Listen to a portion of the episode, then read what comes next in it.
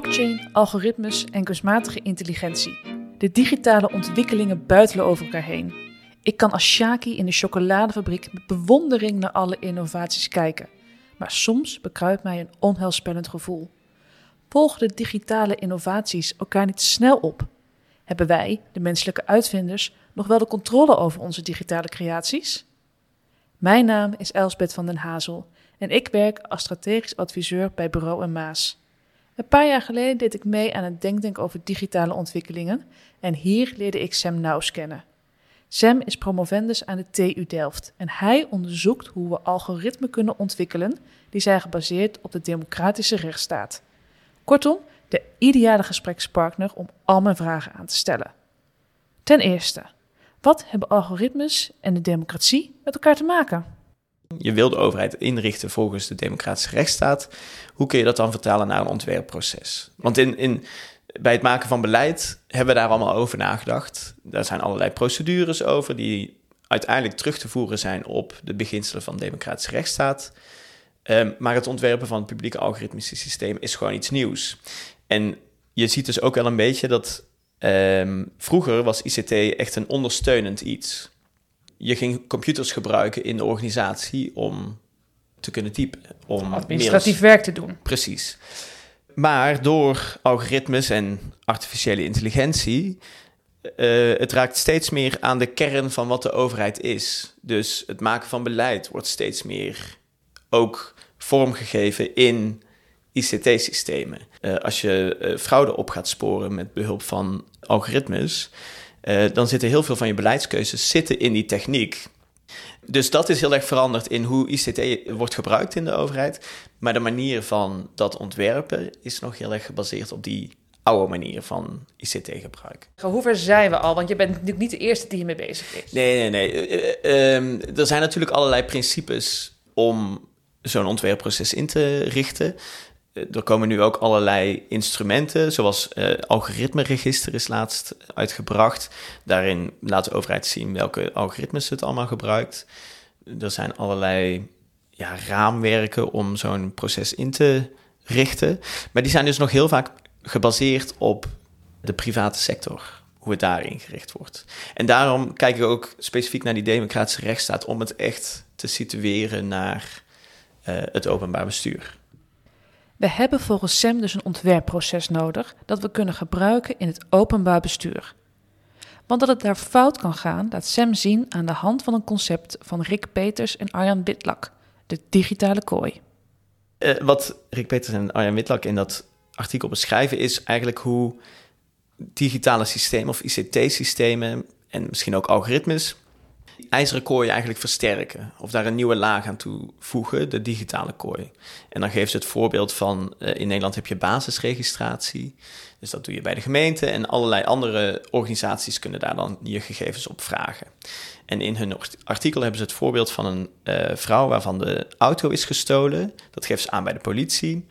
Nou, dat gaat naar allerlei instanties, waaronder de, haar verzekering. Na een week vindt de politie haar auto Iedereen wordt ingelicht, alle instanties behalve die vrouw. En die vrouw die krijgt constant aanmaningen van de verzekering. Ja, je hebt je auto, dus je moet verzekering betalen. Uh, maar zij zegt, ja, ik heb geen auto, want die is gestolen. Dat heb ik bij de politie. Ze heeft er tien jaar over gedaan om bij alle instanties het voor elkaar te krijgen dat het weer goed in het systeem stond. Dat was hier in Nederland of waar was dit? Ja, dat was hier in Nederland. Ja, ja. Tenminste, eh, als ik het artikel goed eh, voor me heb. Maar het heeft in ieder geval heel lang geduurd voordat ze dat ja, allemaal rechtgetrokken had. En dat, dat was ook heel moeilijk, zeg maar. Ze, ze wist niet waar ze moest zijn. Iedereen stuurde ergens anders heen. Dus even voor mijn beeld. Al die instanties wisten... de auto van deze dame staat daar geparkeerd, bij wijze van spreken. Mhm. Iedereen zegt, mevrouw, u heeft uw auto weer terug... dus u mag weer meedoen in het systeem... Uh, dus onder andere een verzekering betalen. En die vrouw zei, ja, maar die auto heb ik niet. Ik heb geen idee waar jullie allemaal naar wijzen. Ja. Ik heb geen auto maar ik moet wel betalen, dat wil ik ja. rechtzetten. En iedereen zei, nou in dat geval moeten we even daar naartoe. Ja, of moeten we even daar naartoe. En ze heeft tien jaar voor elkaar gekregen, of tien jaar erover gedaan, voordat ze eindelijk voor elkaar gekregen heeft dat ze wellicht die auto terug had. Misschien dat die auto inmiddels lang weggesleept was, bij wijze van spreken. Mhm. Maar in ieder geval dat iedereen wist van elkaar... van jongens, deze dame heeft tien jaar lang die auto Ja. niet in haar bezit gehad. Ja, en ik weet niet of ze toen alles al terug had qua geld en zo, wat ze had eh, echt te veel had betaald. Maar eh, eh, daarvoor verwijs ik de luisteraars naar het artikel. Maar wat je hier dus ziet, want dat kastje naar de muur sturen, dat is niet per se een, een digitaal probleem. Nee, dat, is al, dat bestaat al sinds Kafka en daarvoor ook al. Ja, precies. Ehm, maar in die basisregistratie, dat systeem, hoe dat technisch opgebouwd is, maakt ervoor dat data of gegevens over mensen niet overal altijd helemaal goed up-to-date zijn. En dat zorgt eigenlijk voor deze grote problematiek. En ook hoe die techniek is opgebouwd, maakt het dus ook voor de burger zelf heel moeilijk om dingen te eh, veranderen als het niet zo is, als het niet klopt. Want het, het, zo'n zo'n basisregistratie creëert ook een beetje zijn eigen werkelijkheid. Die dus, want die auto was weer gevonden, maar voor die vrouw was die werkelijkheid helemaal niet zo. Was Nee. die anders.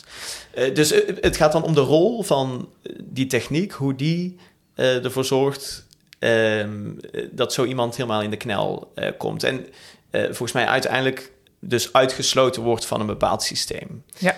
Ehm, en ook niet weet hoe dat systeem in elkaar zit, want dat is ook een eh, belangrijk eh, onderdeel daarvan. Ja, dus eigenlijk hè, zo'n basisregistratie is fantastisch, zolang het werkt en er niet één moertje in jouw dossier verkeerd zit.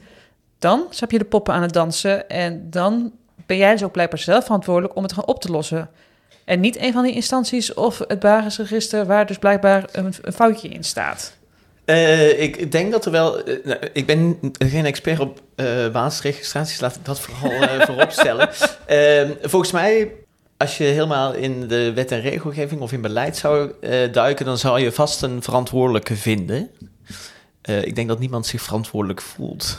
Dat, is, natuurlijk ook nog een eh, verschil. Ja. En misschien heel eventjes kort. Wat zie je dus nu gebeuren? Wat, wat gebeurt er nu in onze systemen? zo'n digitale kooi, die kan dus ontstaan in zo'n systeem. Er, hoeft ook niet per se eh, een intentie achter te zitten. Kan ook, zeker. Maar eh, laten we er even vanuit gaan dat dat niet zo is. Ehm, wat zijn dan gebruiken of routines in eh, het ontwerpproces die daar uiteindelijk toe leiden? Dus ik heb gekeken van, oké, hoe zit dat ontwerpproces op dit moment in elkaar bij publieke organisaties? En inderdaad vier routines eh, eruit gehaald. Bijvoorbeeld eentje, een eh, hele smalle of enge blik op technologie. Eng in de zin van eh, niet breed, zeg maar. Of niet ruim. Het wordt heel erg als een technisch iets gezien dat je op moet lossen. Dus er komt een, ergens een probleem, wordt er geïdentificeerd. Van oké, we moeten fraude opsporen. En dan in een bepaalde dynamiek wordt er ineens besloten van... oké, daar gaan we een algoritme voor ontwerpen. Eh, maar dan wordt het een beetje losgezongen van die beleidspraktijk. Daar is dan al wel bedacht van hoe dat er een beetje uit moet zien. Maar dan gaat er een data-analyst mee aan de slag... en wordt het ineens een heel technisch... ja, hoe noem je dat? Een hele technische opdracht of... eh, en verlies je eigenlijk een beetje die politieke dynamiek en hoe technische systemen ook weer interacteren met de mens, of de mens met zo'n technisch eh, systeem, eh, eh, raak je dan een beetje uit het oog. Dus een hele nauw- nauwe blik op eh, technologie. Maar ik, ik denk dat je een neiging ziet om het wel heel technisch eh, te benaderen. En het zijn vooral de, data-analysten die er verstand van hebben. Terwijl volgens mij, oké, de, de echte technische details, die zal niet iedereen begrijpen, maar je kunt altijd meepraten over hoe beleid ingestoken moet worden, welke keuzes dat je wil maken. Eh, en er worden gewoon heel veel keuzes aan de kant van die data-analyst ook gemaakt. Ja, Eh, die ook niet per se technisch van aard zijn. Waar bijvoorbeeld ethiek bij komt spelen. Bijvoorbeeld die Precies. democratische waarden. Ja, ja dus eh, wat je bijvoorbeeld vaak bij algoritmes eh, ziet, algoritmes geven bijvoorbeeld een kans op fraude. Dus eh, de kans dat jij eventueel fraude eh, pleegt. Dan moet er ergens moet er een grenswaarde gelegd worden of je wel of niet als fraudeur Wordt aangemerkt. wordt aangemerkt. Ja, waar ga je die grens leggen? En laat je dat over aan de data-analyst? Wa- Want je kunt dat als een hele technisch iets zien. Maar uiteindelijk is dat best wel ook belangrijk vanuit oogpunt. Dus mhm. dat is zo'n voorbeeld waar je ziet dat je dus niet alleen maar technisch kunt benaderen. Oké, het is dus belangrijk om ook in de digitale wereld beleid te hebben dat gebaseerd is op democratische waarden. Ik vraag me af of we daar eigenlijk al niet te laat mee zijn. Want soms lijkt het alsof we worden overstroomd door een digitale golf, waarna we alleen kunnen kijken en niet meer kunnen handelen. Hebben we nog wel genoeg controle om het beleid zelf te bepalen? We hebben er misschien weinig controle over.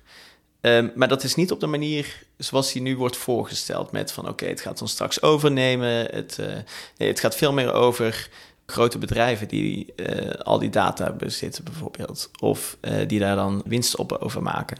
Maar ook over dat je zomaar overal datacenters weg kunt zetten. terwijl dat ook heel veel impact heeft op je omgeving of op het energieverbruik in zo'n regio. Dus er zijn allerlei veel simpelere consequenties die we nu al zien, um, waar we ook geen, waar we controle over zouden kunnen hebben, is dan mijn stelling, maar die we nu niet voeren. Uh, en dan kun je natuurlijk heel goed praten over van, uh, ja, we hebben het helemaal niet meer onder controle en uh, het wordt zo slim. Maar daarmee verdoezel je ook een beetje de dingen waar we nu wel controle over kunnen hebben. En ben je eigenlijk alleen maar met een soort toekomstvisie bezig die zich helemaal misschien niet gaat vertrekken. En misschien wel.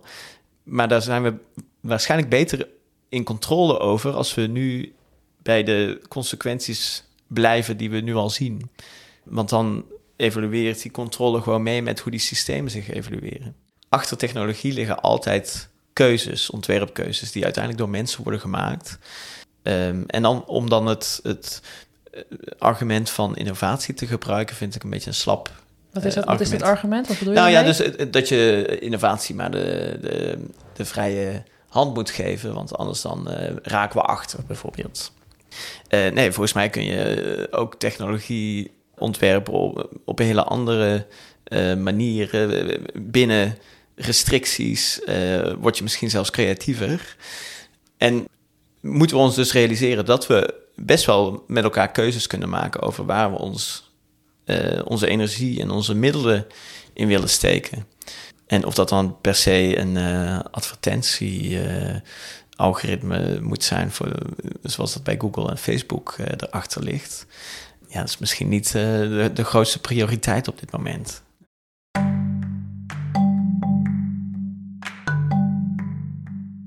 dan ben ik wel benieuwd hoe komen al die verhalen uh, die apocalyptische verhalen. Hoe komen die op jou over dan? Ja, eigenlijk twee dingen.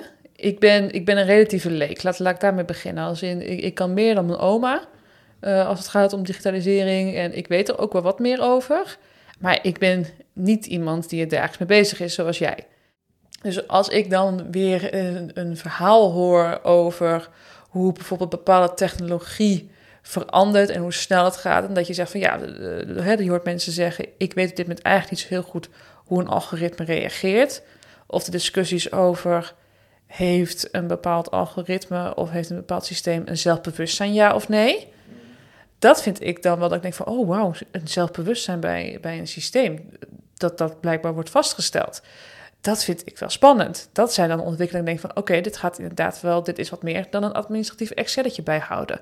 Dit zijn een aantal fundamentele veranderingen over inderdaad hoe de wereld zich vormgeeft. Tegelijkertijd uh, heb ik zelf ook geschiedenis gestudeerd. Kan ik ook wat terugkijken in de tijd. En inderdaad, er zijn wel meer technologische ontwikkelingen geweest die voor verandering hebben gezorgd. Uh, de pamflet in de middeleeuwen, de, de boekdrukkunst heeft zeker het een en ander veroorzaakt. Uh, maar dat betekent niet dat het goed of fout is. Het heeft gewoon bepaalde dingen veranderd. Alleen, en dat past denk ik wel bij wat jij ook zei over um, de digitale kooi en over de kloof die er nu is, is dus tussen democratische toepassingen en bijvoorbeeld technologische ontwikkeling. Ik geloof wel dat uh, een hele hoop mensen het inderdaad over zich heen laten komen en dat er op dit moment nog te weinig wordt gedaan om ervoor te zorgen dat die democratische ontwikkelingen in bepaalde systemen zitten. Dat vond ik eigenlijk wel mooi. Van hoe gaan we met elkaar om? Dus welke rol speelt technologie in ons, in ons leven? En volgens mij hoef je daar echt niet per se heel veel verstand van de technologie, technologie te hebben om het daarover te hebben. Wat zijn nou de waarden waar we voor staan? Ik, ik denk dat dat... Er komt bijvoorbeeld uh, naar voren met een telefoontje wel of niet in de klas. Hè, dat is nu zo'n discussie. Mhm. Daar kan iedereen toch over meepraten? Eigenlijk depolitiseer je debat misschien ook wel door te zeggen van... nee, ja, daar, daar hebben te weinig mensen verstand van. Vind je niet dat je eh, over zoiets kan... kun je toch gewoon een gesprek hebben en dan... je zult uiteindelijk dan misschien wel over dingen moeten praten... die heel erg technisch gerelateerd zijn... Maar dat is misschien ook veel makkelijker als je al een gesprek hebt gehad van... oké, hoe willen we met elkaar samenleven en uh, ja. uh, welke rol speelt technologie daarin? zijn wij niet te langzaam bezig met iedereen meekrijgen, waardoor een aantal voorlopers wel hele grote slagen aan het slaan zijn en die niet per se misschien op democratische waarden zijn gebaseerd, zowel bedrijven als overheid. Ja, maar ik zou niet zeggen dat het te laat is. Oké. Tenminste, dan krijg je een beetje hetzelfde als wat je met de klimaatdiscussie uh, hebt, waarin je ook, dan zie je ook een beetje dat apocalyptische hè, van uh, oh, de, de wereld uh, vergaat. Maar ook dan moet je niet te, te pessimistisch worden, want dan eh, ja, heeft het dan nog nut om, om er iets aan te doen. Snap je? En dat, dat zou je hetzelfde bij digitalisering kunnen hebben. Wat mij betreft heb je altijd invloed op hoe het uh, verder kan gaan. Maar wat je dus wel inderdaad ziet, is die, die grote monopolies zich steeds meer begeven op terreinen die we eerst als publiek zagen. Onderwijs, uh, gezondheidszorg. En dat zagen we altijd als publiek uh, wordt misschien op die manier meer privaat. En dan zijn, die, zijn er dus niet de controlemechanismes in op de plaats die ervoor zorgen dat het wel binnen de waarde blijft die wij willen. Vroeger was, die data, als bijvoorbeeld gewoon hè, bijvoorbeeld welke cijfers een kind haalt. Um, dat was gewoon, dat kon je bij wijze van spreken, kon iedereen inzien, omdat het was opgeschreven door de juf in een boekje. Niet dat iedereen het mocht inzien, maar het was van een publiek iets. Nu is het dus van Google, bij wijze van spreken. Dat bedoel jij? Ja, en, en dat Google dus eigenlijk ook best wel veel vorm geeft aan het onderwijs. En dat moet ik nou eigenlijk ineens denken aan in Nederland. Uh, de discussie over vrij onderwijs is natuurlijk redelijk fundamenteel in uh, ons staatsbestel. Hè, uh, heeft een hele grote invloed gehad. En is ook is nog... letterlijk een schoolstrijd geweest. Precies. Er is nog steeds heel veel strijd over. Hè. Ik bedoel, het komt nog regelmatig weer terug in het nieuws. Op allerlei manieren. Maar ondertussen werken bijna alle uh, scholen met Google. En verzorgt die dus ook een deel van het lesmateriaal. Dus in hoeverre uh, is dat vrije onderwijs dan nog echt via de achterdeur? Zijn we eigenlijk dat vrije onderwijs op een bepaalde manier ook weer los aan het laten? En dat bedoel ik dus eigenlijk met, met die politieke keuzes, dat we die eigenlijk een soort van op de achtergrond kwijtraken, omdat er dan een bedrijf is wat inderdaad met een mooi product komt, wat we dan maar gewoon implementeren in uh, een publieke sector. Ook nog een beetje vanuit het gedachte, het is maar ICT. Ja, dan zijn we ook weer terug eigenlijk een beetje waar, waar we begonnen. Namelijk, uh, uh, het wordt vaak gezien als een technologisch iets wat de data-analyst kan doen. Terwijl er dus gewoon hele democratische waarden in zitten waar we allemaal aan kunnen bijdragen. En allemaal over kunnen en misschien ook wel moeten, of juist moeten, meedenken. Ja. En mee beslissen. Precies.